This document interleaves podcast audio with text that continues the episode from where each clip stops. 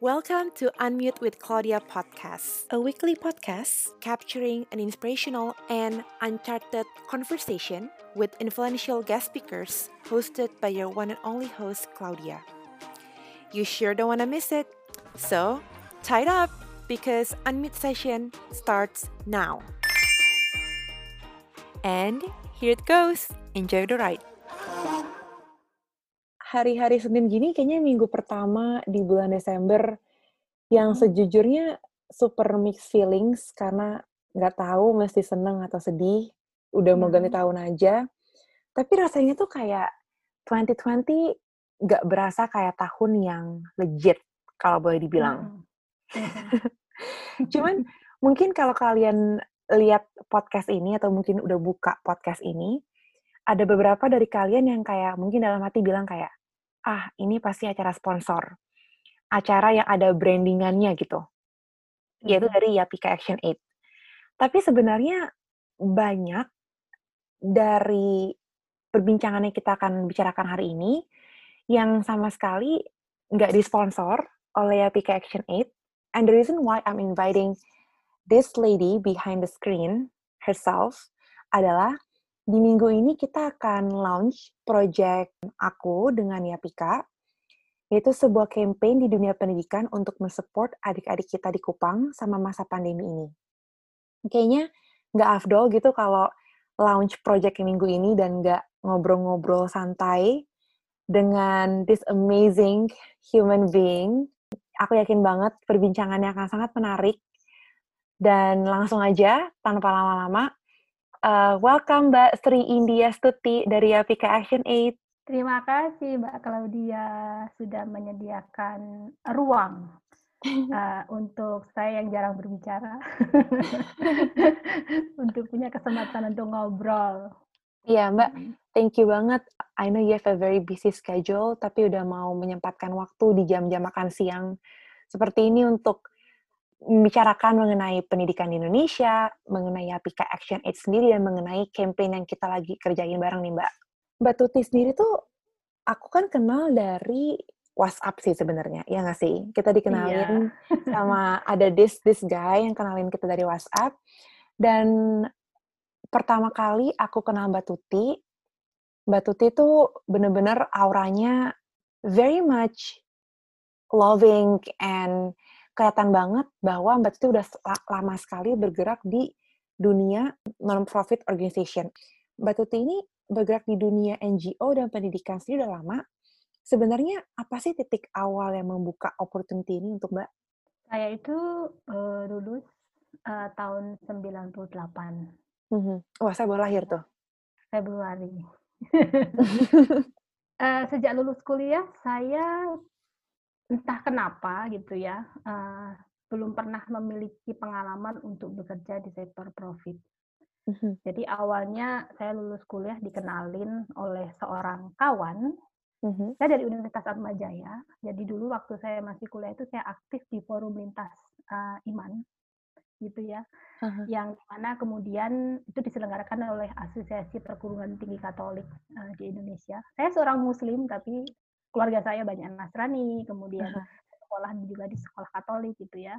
Uh-huh. Saya memiliki kesempatan dari kuliah itu untuk uh, berkenalan dengan banyak orang dari universitas Katolik lainnya uh-huh. gitu ya di Indonesia. Uh, setiap tahun itu ada pertemuan gitu ya yang itu mempertemukan saya pada seorang kawan dari Universitas Parahyangan Bandung uh-huh. yang kemudian pada saat dia tahu saya sudah lulus dia bilang kayaknya lo cocok deh tuh kerja di non profit wow. muka lo katanya ah, namanya muka gue kenapa sih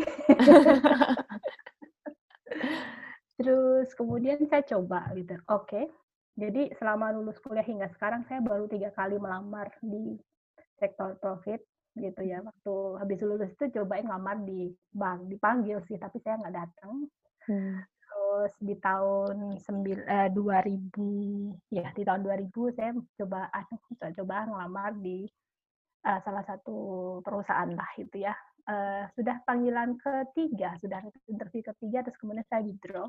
Entah kenapa begitu ya. Uh, apakah kesengajaan ataukah itu sesuatu yang nggak tahu ya kalau kita percaya pada sebuah energi di atas sana yang kita sebut yeah. sebagai Tuhan, Tuhan atau alam raya gitu ya tapi itu menggerakkan dan saya sendiri juga kok uh, saya tidak uh, yakin bahwa saya melakukannya dengan sadar atau tidak sadar gitu ya. Saya tidak memikirkan mm-hmm. itu tapi oke okay, kayaknya saya begitu bahagia dan nyaman deh bekerja di non profit pada saat itu ya kalau dikatakan uh, reward atau income it's very very tiny. Mm-hmm. gitu ya. Tapi uh, the happiness kemudian merasa penuh kemudian merasa selalu berenergi itu saya rasakan hmm. sehingga kemudian saya withdraw dan sampai sekarang berarti wow. sudah 20 tahun lebih ya dia Pika sendiri Uh, tidak. Jadi pertama kali saya bekerja di uh, sebuah organisasi lingkungan hidup di Bandung. Oke. Okay. Sebuah organisasi yang kecil. Uh, saya pertama kali di sana sebagai mentor pendidikan lingkungan di Taman Kota untuk anak-anak SD. Jadi hmm. memperkenalkan bagaimana sustainable development, sustainable living gitu ya, terus kemudian yeah. zero gitu kan, terus kemudian bagaimana membuat storytelling tentang uh, untuk jadi menumbuhkan kecintaan anak-anak pada lingkungan hidup. Uh, kita membuat kami bersama-sama membuat uh, semacam storytelling tentang tumbuhan X gitu ya. Hmm. Nah, mulai tumbuhnya seperti apa. Jadi semacam kayak dongeng gitu. Kemudian wow. uh, juga menjadi uh, berkesempatan untuk selama beberapa tahun, sekitar tiga tahun kali ya, uh, menjadi fasilitator pendidikan lingkungan di Taman Nasional Gunung Gede Pangrango.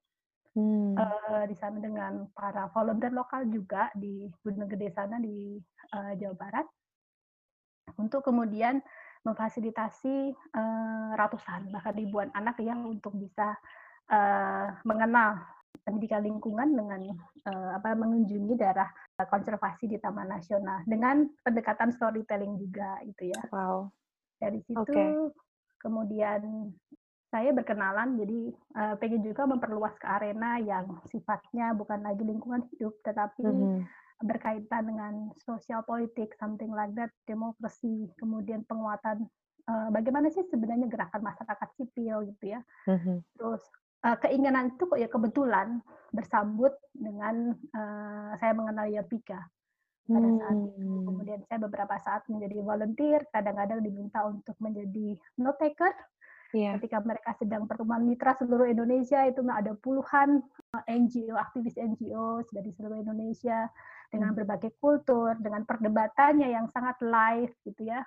Mm -hmm. uh, dan dan akhirnya kemudian saya diminta untuk bergabung pada tahun 2003 sampai uh, hingga saat ini ya.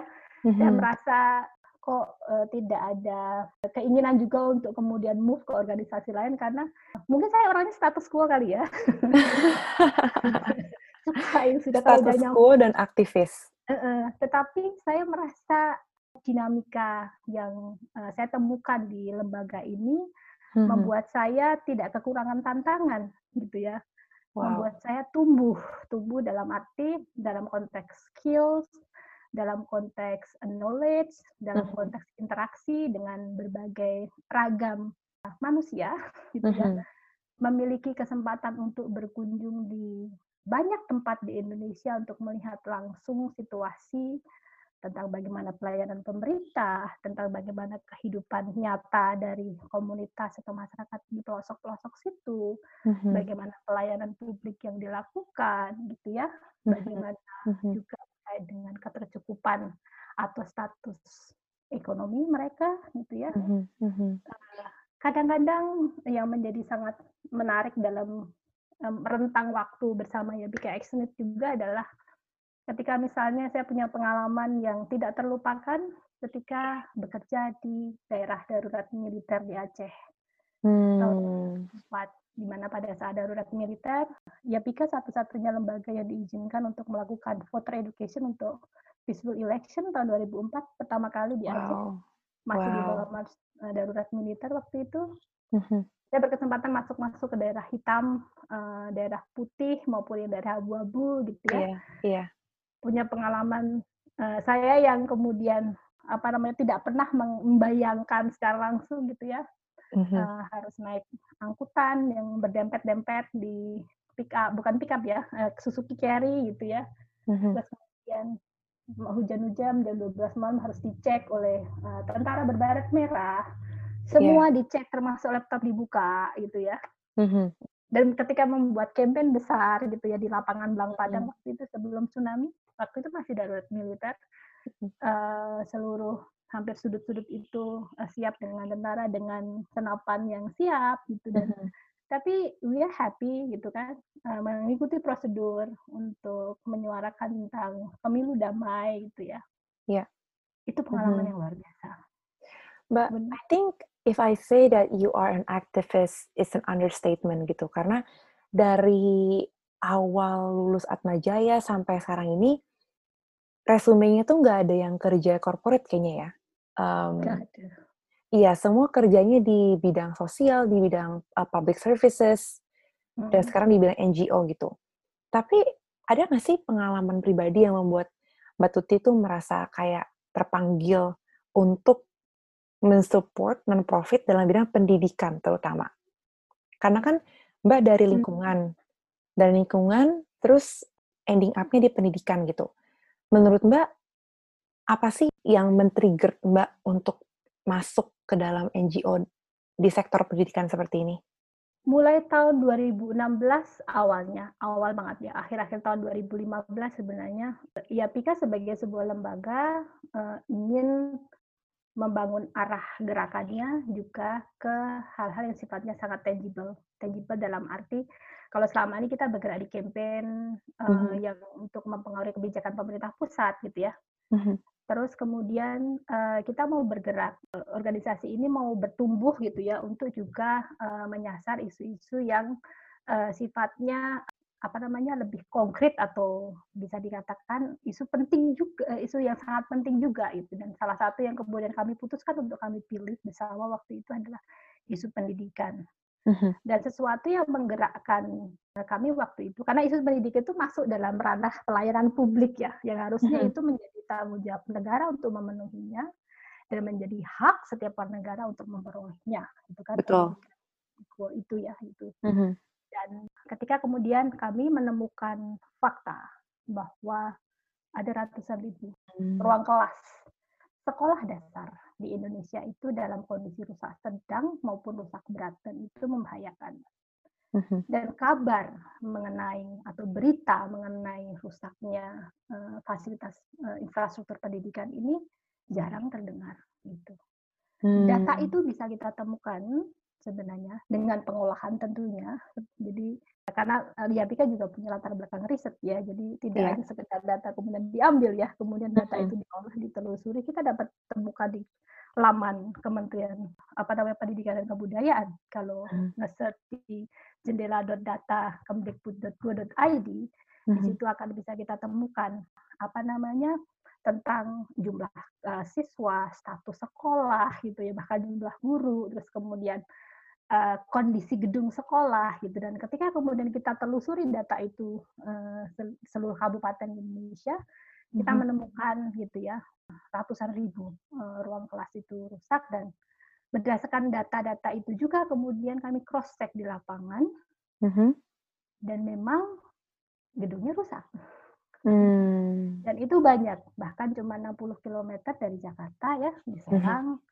Terus kemudian apa Jadi, namanya di Bogor gitu ya kita bisa mm-hmm. dengan mudah menemukan gedung sekolah yang rusak cukup parah bahkan ambruk gitu ya sering mm-hmm. terdengar itu sering terjadi bukan hanya terdengar dan situasi itu sudah berlangsung tahunan bukan hanya sebulan dua bulan hmm. gitu jadi sebenarnya eh, persoalannya apa sih gitu ya nah berangkat dari situ kemudian eh, saya pribadi dan juga sebagai bagian dari Yapika merasa bahwa oh ini isu yang penting untuk kita angkat gitu dan ya. belum dalam konteks apa arena uh, untuk campaign di Indonesia isu tentang infrastruktur sekolah ini belum ada yang secara konsisten mengangkatnya menjadi isu mm -hmm. yang mhm. harus diperhatikan oleh pemerintah lokal maupun pemerintah Betul. pusat maupun masyarakat umum. Mm -hmm. Dari mhm. situlah titik masuknya. Kemudian kenapa mm. kemudian uh, kami ya PK Actionate kemudian konsisten untuk kemudian oke okay, let's do something gitu ya. Mm-hmm. Jadi program pedulinya dari application itu uh, mensupport sekolah aman membantu mm-hmm. menggalang dana untuk membangun sekolah-sekolah yang ambruk, yang dalam kondisi mm-hmm. yang tidak layak untuk anak-anak di sekolah dalam di Kupang, di Sumba, di Papua, uh, Banten, di Serang seperti itu, mm-hmm. dan beberapa daerah lainnya. Tapi juga mensupport, uh, setahu saya juga masalah stunting ya, Mbak ya? Iya, betul. Jadi okay. uh, kami campaign mm-hmm. menggalang Hmm, bukan hanya untuk keperluan charity untuk membangun sekolah yang rusak gitu ya. Mm-hmm. Tetapi kami campaign untuk juga mempengaruhi kebijakan pemerintah lokal yeah. maupun pemerintah pusat untuk bisa mengalokasikan anggaran yang lebih untuk uh, infrastruktur. Kalau pendekatannya adalah di tingkat kebijakannya, maka kemudian garansi dan jumlah tentunya kalau dengan uh, dana dari APBN maupun APBD jumlahnya akan lebih besar daripada kemampuan kami untuk menggalang dana ya gitu ya. Hmm. Hmm. Jadi uh, dana yang kemudian kami berhasil kumpulkan dari para filantropis, dari uh, perusahaan, dari individu, sebagian kami gunakan untuk membangun sekolah yang sudah ya sudah reot itu gitu ya mm -hmm. karena memang sangat urgent sudah beberapa cara untuk melakukan advokasi supaya sekolah yang bersangkutan segera diperbaiki tapi belum berhasil gitu ya. Mm -hmm. kami membangun itu sebagai salah satu juga evidence bahwa the case mm -hmm. is real. Evidence okay. untuk menjadi bukti juga memperkuat suara kita kepada pemerintah bahwa look persoalan itu benar-benar ada dan hmm. kemudian uh, kita berusaha sebagai masyarakat sebagian dari masyarakat sipil berusaha untuk membuktikan bahwa kita juga tidak hanya sekedar uh, berbicara hmm. untuk kemudian uh, you have to do this and this melalui policy brief gitu ya tapi kita yeah. juga ada langsung nyata itu ya jadi hmm. sebagian dananya untuk itu sebagian dananya untuk membiayai advokasi gitu ya hmm untuk monitoring gitu ya, untuk kemudian uh, mendampingi komunitas. Karena kita juga ketika uh, kita bekerja di lapangan kita tidak hanya mendampingi atau tidak hanya bekerja sama istilahnya kami lebih menggunakan cara equal lah ya. Mm-hmm. kita bekerja bersama dengan komunitas sekolah gitu ya dan itu kita juga berbagi bagaimana sih cara menganalisa anggaran untuk mengetahui berapa persen sih sebenarnya atau berapa rupiah sih anggaran pendidikan yang dialokasikan dari dana APBD atau APBN itu. Jadi oh, komunitas sekolah tahu ini. Komunitas sekolah hmm. itu siapa? Ada kepala sekolah, guru, komite sekolah, orang tua siswa, ada hmm. kepala desa dan tokoh agama, tokoh masyarakat di sekitar tempat sekolah itu berada. Malnutrisi di Kupang itu cukup tinggi untuk anak-anak perempuan remaja. Remaja itu berarti kan uh, itu tuh berarti start kelas 5 6 itu kan sudah memulai sebenarnya kan hmm Dan itu kan tidak ujuk-ujuk langsung malnutrisi gitu ya. Mm-hmm. Pasti ada riwayat dari beberapa tahun sebelumnya kan, gitu. Yeah. Apalagi perempuan. Mm-hmm. Uh, saya, saya penasaran mau mau share datanya. Maksudnya ini dari WhatsApp langsung langsung, hah? That's much. gitu. Wow. Saya, saya bilang di ini aja uh, diteliti lagi apa namanya, uh, ditelusuri lagi populasinya benar nggak pengambilan datanya. Saya bilang begitu. Mm-hmm. Mm-hmm. Jadi uh, 44% remaja cewek dan cowok di Kabupaten Kupang itu pendek alias stunting. Remaja perempuan Kabupaten Kupang itu mengalami kekurangan energi kronis. Eh, mm-hmm. kayak kekurangan energi kronis itu sebenarnya kekurangan nutrisi yang bergizi. Mm-hmm. Gitu. Mm-hmm. Istilahkan di Indonesia tuh KEK e gitu kekurangan KEK. kronis. Oke. Okay. Ya, 69% aku bilang wow. iya, berarti kalau kalau stunning gitu berarti juga ngefek ke PMS nggak sih? Oh iya, jadi PMS itu gambarannya begini. Ketika kemudian stunting berarti kan organ reproduksi not growing, uh, tidak berkembang mm-hmm. dengan optimal kan. Mm-hmm. Itu akan berdampak pada kualitasnya organ reproduksi dalam menyediakan ketika dia akan menjadi provide, dia menjadi mom kan. Iya, iya. Gitu. Nah, itu akan berpengaruh. Jadi anak stunting itu biasanya juga mhm. menurun dari perempuan ibu yang juga menderita kekurangan gizi atau nutrisi yang mhm. berlebihan. Jadi tidak hanya ketika kemudian dia lahir uh, dalam usia 1 sampai tiga tahun dia malnutrisi baru dia kena stunting. Enggak. Tapi sebenarnya itu sebenarnya sudah di bawah dari si ibunya juga yang pada saat okay. mengandung kekurangan gizi atau si ibunya sendiri sebenarnya asupan gizinya kurang bagus. Mm-hmm. But biar mereka tahu. Iya, it correct me if I'm wrong, but it sounds like dari tadi apa yang Mbak Cuti jelaskan bahwa kayaknya kok peran pemerintah atau mungkin APBN dan AP, B yang pemerintah sediakan itu belum jelek gitu, belum sensitif untuk mensupport hal-hal yang sangat tangible di daerah-daerah Kupang, di daerah-daerah Sumba seperti ini gitu.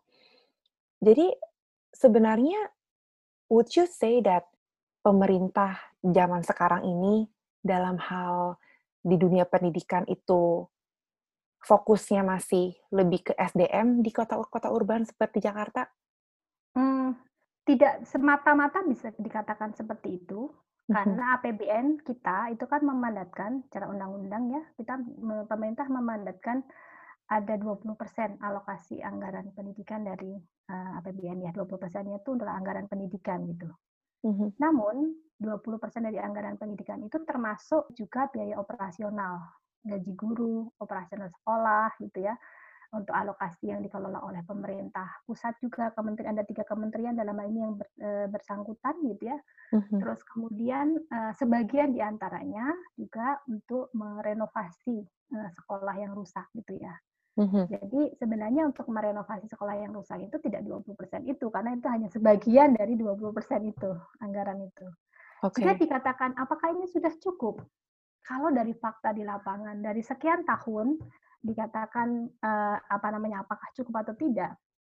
Kalau dilihat dari faktanya, ya berarti belum cukup karena ratusan ribu ruang kelas yeah. SD negeri yang rusak gitu ya. Mm-hmm uh, dalam konteks ini ya Pika ingin melihatnya lebih konstruktif gitu ya bahwa hmm. oke okay, mari kita bersama-sama melihat persoalannya ada di mana kami mencari dan menggali persoalan itu di lapangan sebenarnya seperti apa sih gitu ya oh ternyata pada saat ada alokasi dana itu target sasarannya kurang tepat kenapa hmm. target sasarannya kurang tepat sekolah yang uh, sebenarnya uh, masih bisa belum melakukan renovasi, dilakukan renovasi dapat lagi misalnya. Hmm. Sementara sekolah tetangganya yang sudah reot, kenapa nggak dapat ya? Gak dapet, oh iya. ternyata ya. kami dari dari proses itu kemudian kami telusuri, oh ternyata apa namanya dalam proses perbaikan sekolah itu ada ada mekanisme administrasi yang namanya uh, mengupload informasi data pokok pendidikan yang terdiri dari salah satunya informasi itu salah satunya adalah kondisi ruang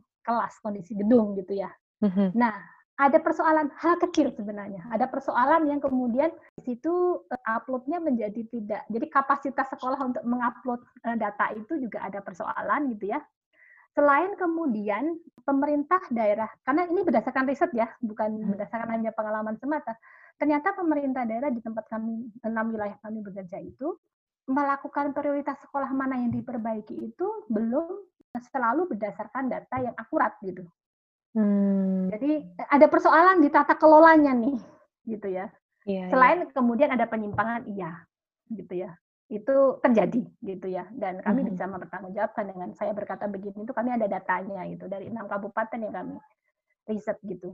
Kalau melihat dari anggaran nasional itu hmm. naiknya triliunan loh belum ada impact yang cukup signifikan. Nah, itu yang hmm. menjadi perhatian. Ini akan kami uh, bawa dalam karena kami sudah membuat membuat analisis anggaran nasional dari tahun 2016 sampai 2020 anggaran hmm. pendidikan APBN. Nah, jadi dua periode kepemimpinan Presiden Jokowi ini ya. APBN hmm. kami sudah analisa termasuk juga analisa anggaran selama 2016-2020 di kabupaten-kabupaten kita tempat bekerja dan kami akan uh, komunikasikan ini dalam uh, diskusi publik nanti hari Jumat ini ya mengundang Bappenas, mengundang Komisi 10 DPR, mengundang Kemenkeu semoga ada yang bisa dikirimkan untuk menjadi penanggap utama untuk narasumber mm-hmm. uh, di nanti di Jumat ini. Jadi iya. soalan itu. Mm. Jadi memang ya belum cukup gitu. Jadi kita harus mencari cara bersama-sama bagaimana kemudian bisa meningkatkan anggaran tentu nggak mungkin nggak ditingkatin tuh untuk menyelesaikan sekolah dan bagaimana membangun semacam roadmap gitu mm-hmm, bersama-sama. Tidak hanya kemudian pemerintah tapi melibatkan masyarakat sipil juga untuk menyelesaikan persoalan sekolah rusak ini. Gitu. Hmm. Mbak, tapi uh, sepengetahuan saya itu 25% anggaran perbaikan sekolah menurun kan, Mbak?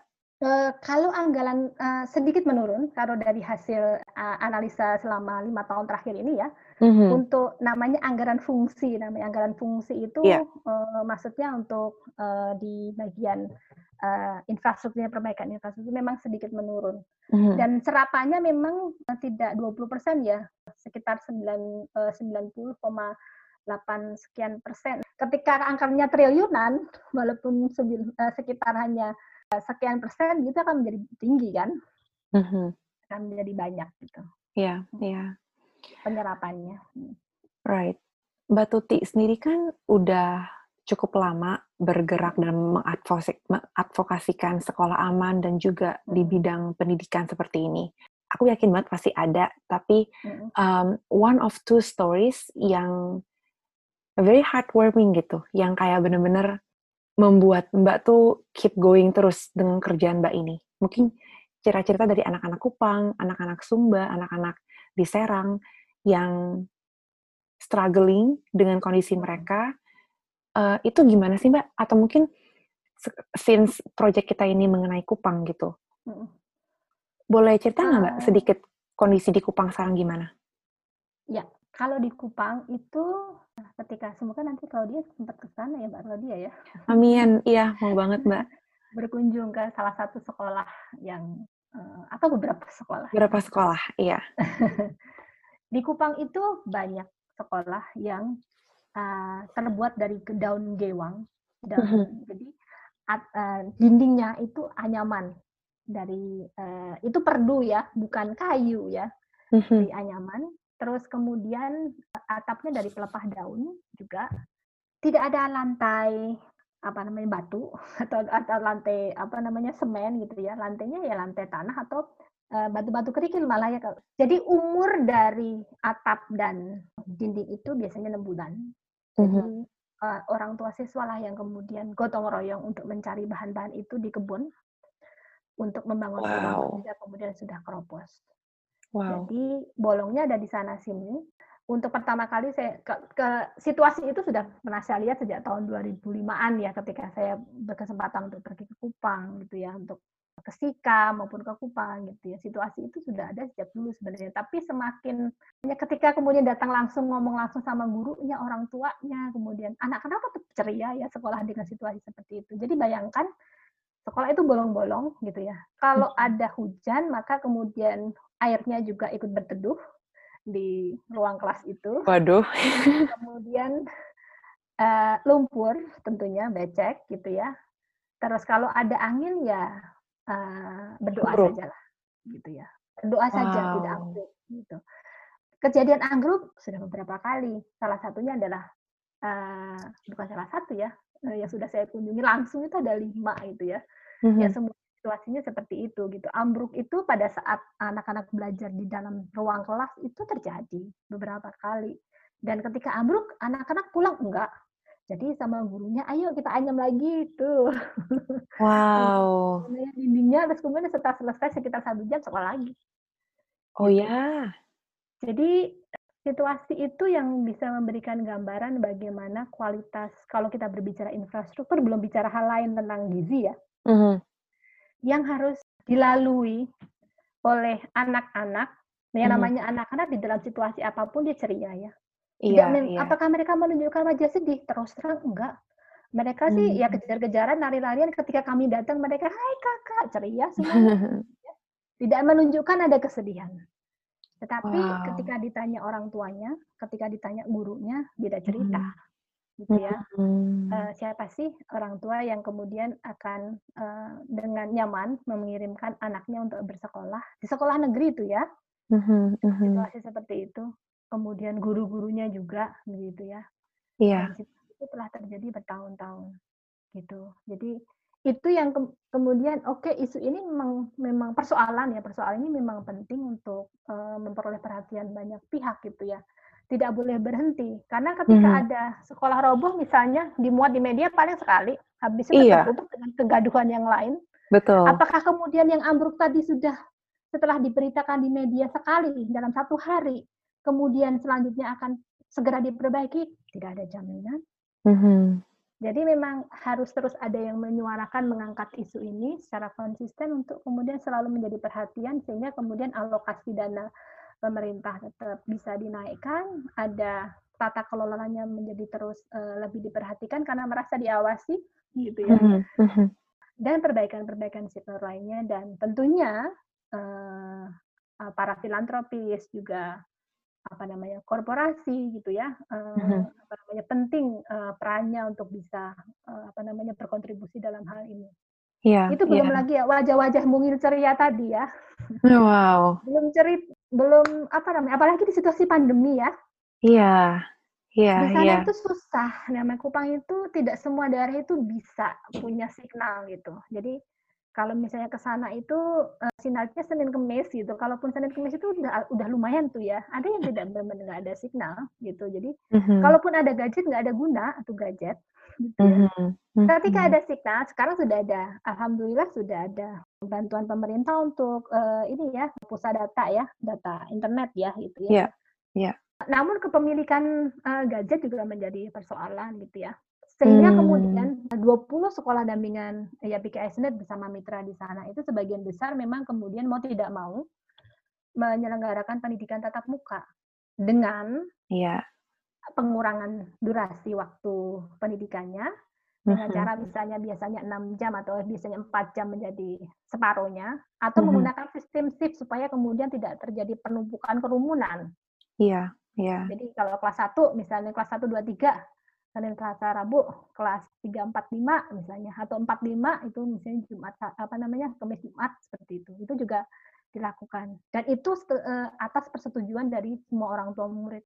Dan dalam konteks ini persoalan sanitasi menjadi dan hygiene ya menjadi penting ketika mereka bertemu di sekolah. Yang namanya anak-anak nggak bisa kan ya kemudian duduk di Iya, iya, iya. Mana-mana pasti mereka sangat aktif nyolek lah atau bermain-main kejar-kejaran. Pas banget nih Mbak, tadinya aku baru mau jelasin dua fokus dari campaign kita yang akan kita jalanin di bulan Desember ini. Tapi pas banget Mbak Tuti udah pretty much explain the overview about the campaign. Jadi campaign ini nantinya akan dimulai dari tanggal Desember 8 hmm. sampai di bulan Januari Februari dan hmm. kita akan fundraise untuk dua cost. Yang pertama itu untuk hygiene kit anak-anak hmm. Kupang. Yang tadi udah Mbak Tuti sempat jelasin sedikit bahwa karena anak-anak di Kupang itu daerahnya sangat terpencil, nggak ada sinyal, jaringan internetnya suka on off on off, atau bahkan mungkin tidak punya gadget untuk bisa ikut sekolah online, atau mungkin menikmati fasilitas gratis pulsa dari uh, Kemendikbud itu sendiri. Jadi mereka harus datang ke sekolah secara offline dengan sistem shift, um, shifting gitu supaya nggak ber, nggak bertumpukan karena lagi masa COVID seperti ini. Tetapi mirisnya mereka tidak memiliki hygiene kit yang proper, hygiene kit yang memadai untuk mensupport kegiatan mereka belajar sehari-hari.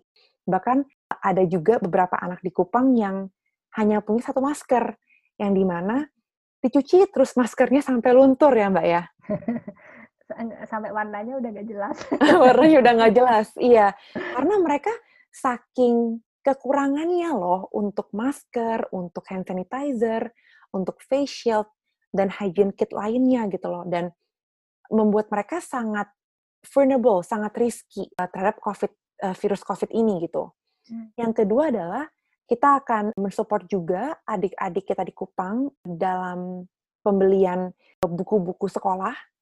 Jadi itu buku-buku akademis seperti textbook dan juga buku-buku bacaan untuk anak-anak di SD kelas 1 sampai kelas 3 karena seperti aku udah ngomong gitu loh, di saat semuanya online schooling dan udah pakai buku semua di PDF, di email, di sistem sekolah secara online, tapi adik-adik kita di Kupang belum bisa memiliki opportunity atau advantage seperti itu dikarenakan banyak hal yang tadi udah aku sebutin gitu. Jadi dengan kita bisa memfasilitasi adik-adik Kupang ini dengan physical books untuk mereka bisa belajar sehari-hari akademis dan belajar membaca, itu akan sangat membantu banget mereka belajar dan nggak ketinggalan di masa pandemi seperti sekarang ini gitu. Jadi itu dua campaign yang akan aku dan Yapika kerjakan dalam bulan-bulan Desember dan awal tahun depan. Kita akan adain virtual dinner meet up buat teman-teman semuanya di hari Jumat ini, Desember 11, jam 7 sampai jam 8 Pacific Time. Berarti itu jam 10 malam Eastern Time yang lagi di East Coast. Dan 10 pagi di Indonesia. Kita benar-benar gak sabar banget pingin jelasin lebih lagi dan menceritakan pengalaman-pengalaman adik-adik di Kupang yang sangat sedih dan sangat miris gitu loh kalau kalian dengerin bahwa it reminds me a lot that how advantage people seperti kita yang sekolah luar negeri atau mungkin yang masih bisa sekolah online di Jakarta sangat advantage banget gitu. Bayangkan aja gitu teman-teman kita yang di Kupang udah sekolahnya nggak layak, udaranya juga nggak menentu, cadangan air bersih juga sangat berkurang, terus di masa pandemi seperti ini nggak punya hygiene kit, belum lagi masalah-masalah sosial lainnya seperti masalah stunning, masalah kebersihan mereka, ditambah lagi masalah-masalah um, sosial politik lainnya lah yang kita uh, out of our range banget untuk kita bayangkan gitu loh. Jadi in this virtual dinner meetup kita bakal ceritain ke kalian cerita-cerita adik-adik kita di Kupang, itu kita bakal menjelaskan juga mengenai Yapika sendiri. Sebenarnya Yapika itu NGO di Indonesia yang bergerak dan fokusnya di bidang apa sih? Dan yang pastinya menjelaskan mengenai dua campaign tersebut dan gimana cara kalian bisa berkontribusi. Kalau dari Mbak Tuti sendiri, ada nggak Mbak mungkin selama ini pesan-pesan atau harapan dari anak-anak Kupang untuk mereka bisa lebih layak bersekolah dalam masa pandemi ini, Mbak? Kalau harapan gitu ya, mm-hmm. uh, harapannya dari uh, bukan hanya anak-anak, tapi juga guru dan orang tua gitu ya. Yeah. Karena sekolah online itu mungkin semua orang juga ngalamin ya susah gitu ya untuk bisa mm -hmm. uh, secara berkualitas bisa uh, melakukan transfer pengajaran ya gitu. Mm -hmm.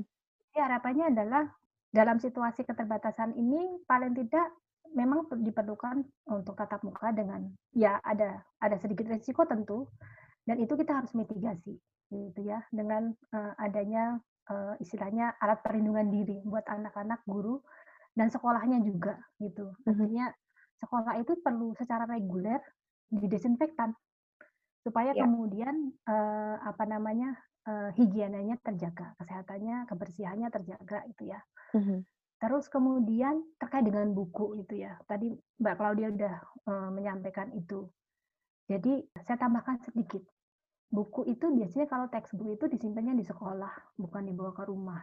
Mm-hmm. Jadi hanya ketika kemudian membaca buku di sekolah lah ketika pelajaran itu kemudian bukunya dibagikan gitu. Sehingga ketika di rumah, ketika harus sekolah online eh, pada waktu awal-awal itu menjadi agak kesulitan buat gurunya gitu ya untuk yeah. bagaimana transfer itu. Yeah. Akhirnya pertemuan-pertemuan beberapa kali di banyak sekolah dilakukan jadi bergerombol gitu di rumah salah satu eh, gurunya atau di rumah salah satu siswa atau di kebun bahkan gitu ya di bawah wow. pohon beneran itu terjadi gitu ya dan kemudian gurunya datang dan mengajar gitu. sehingga mm-hmm. Kebutuhan buku ini menjadi penting untuk dimiliki paling tidak untuk dimiliki sementara oleh anak-anak untuk membantu mereka apakah itu buku textbook ataukah buku pembantu misalnya kelas 1 dan kelas 2 itu masih belajar membaca ya mm-hmm. gitu ya jadi eh, buku-buku itu menjadi penting untuk menjadi buku pendamping. Dan ketika sudah mereka naik kelas, buku itu bisa dikembalikan ke pihak sekolah mm-hmm. dan kemudian bisa digunakan lagi. Mm-hmm. Jadi memang keberadaan buku ini selain alat perlindungan diri tadi untuk anak-anak dan juga keberadaan buku ini sangat akan diperlukan untuk eh, anak-anak di sana. Iya, betul sekali. Mungkin di saat podcast ini keluar, banyak sekali yang mendengarkan dan mungkin bertanya-tanya seperti ini. Saya memiliki ketertarikan yang sangat tinggi dan interest yang sangat tinggi, passion yang sangat tinggi dalam uh, dunia social entrepreneurship atau hmm. dalam dunia uh, mensupport NGO, bekerja dalam uh, dunia non-profit organization. Waktu dulu Mbak Tuti memulai karir Mbak dalam bidang NGO seperti ini, you mentioned earlier that you believe in a greater greater good meaning Tuhan gitu kan ya Mbak. Hmm. Apa sih yang anak-anak milenial itu bisa lakukan Mbak kalau misalnya mereka itu tertarik untuk lebih sensitif atau lebih participate more dalam acara-acara NGO? Um, gimana caranya mereka tahu kalau itu calling mereka Mbak? Salah satunya sekarang nanti bisa donate. Mm -hmm. dan berapapun jumlah donasi itu donate to Claudia Helena Johans page yes. we will create the landing page for you uh, salah satunya itu kalau mm -hmm. siapa yang mendengar podcast ini nanti uh, ada laman donasi mm -hmm. berapapun yang uh, dimiliki uh, bisa berdonasi untuk itu sehingga kemudian donasi kalian akan digunakan untuk bisa memenuhi uh, kebutuhan uh, anak-anak SD di Kupang dalam bisa memperoleh alat perlindungan diri yang layak gitu ya. Kemudian sekolah juga dibersihkan dengan disinfektan untuk menjaga uh, yeah. dari kemungkinan terpapar virus. Mm-hmm. Kemudian membantu buku-buku juga. Itu salah satu. Jadi ya BKX ini dalam hal ini juga ada beberapa campaign yang di bawah sekolah aman yang uh, akan jadi salah satunya adalah berdonasi. Dua itu bagi yang memiliki uh, passion sangat tinggi dan ingin berbuat sesuatu secara voluntary like what are you doing Claudia uh, dengan kami memang uh, saat ini sedang merintis untuk ada semacam community campaigner. Like mm. you are the first community campaigner of Yapika Accident. That's why I oh. shared. So in I'm the so we have uh, the first community campaigners.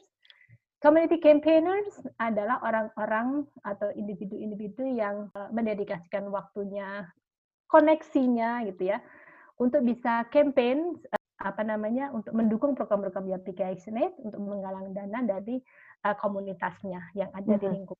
Uh, itu juga bisa uh, bisa dilakukan. Jadi bisa menyatakan minat itu seandainya keinginan untuk bisa berkontribut more uh, and more active and more wider gitu ya uh, untuk mendukung cause, untuk mendukung program-program yang ada di Yapika Excellent. Jadi kami hmm. akan facilitate, uh, kami akan berbagi kisah-kisah uh, atau cerita-cerita true stories about the cause that we are working with.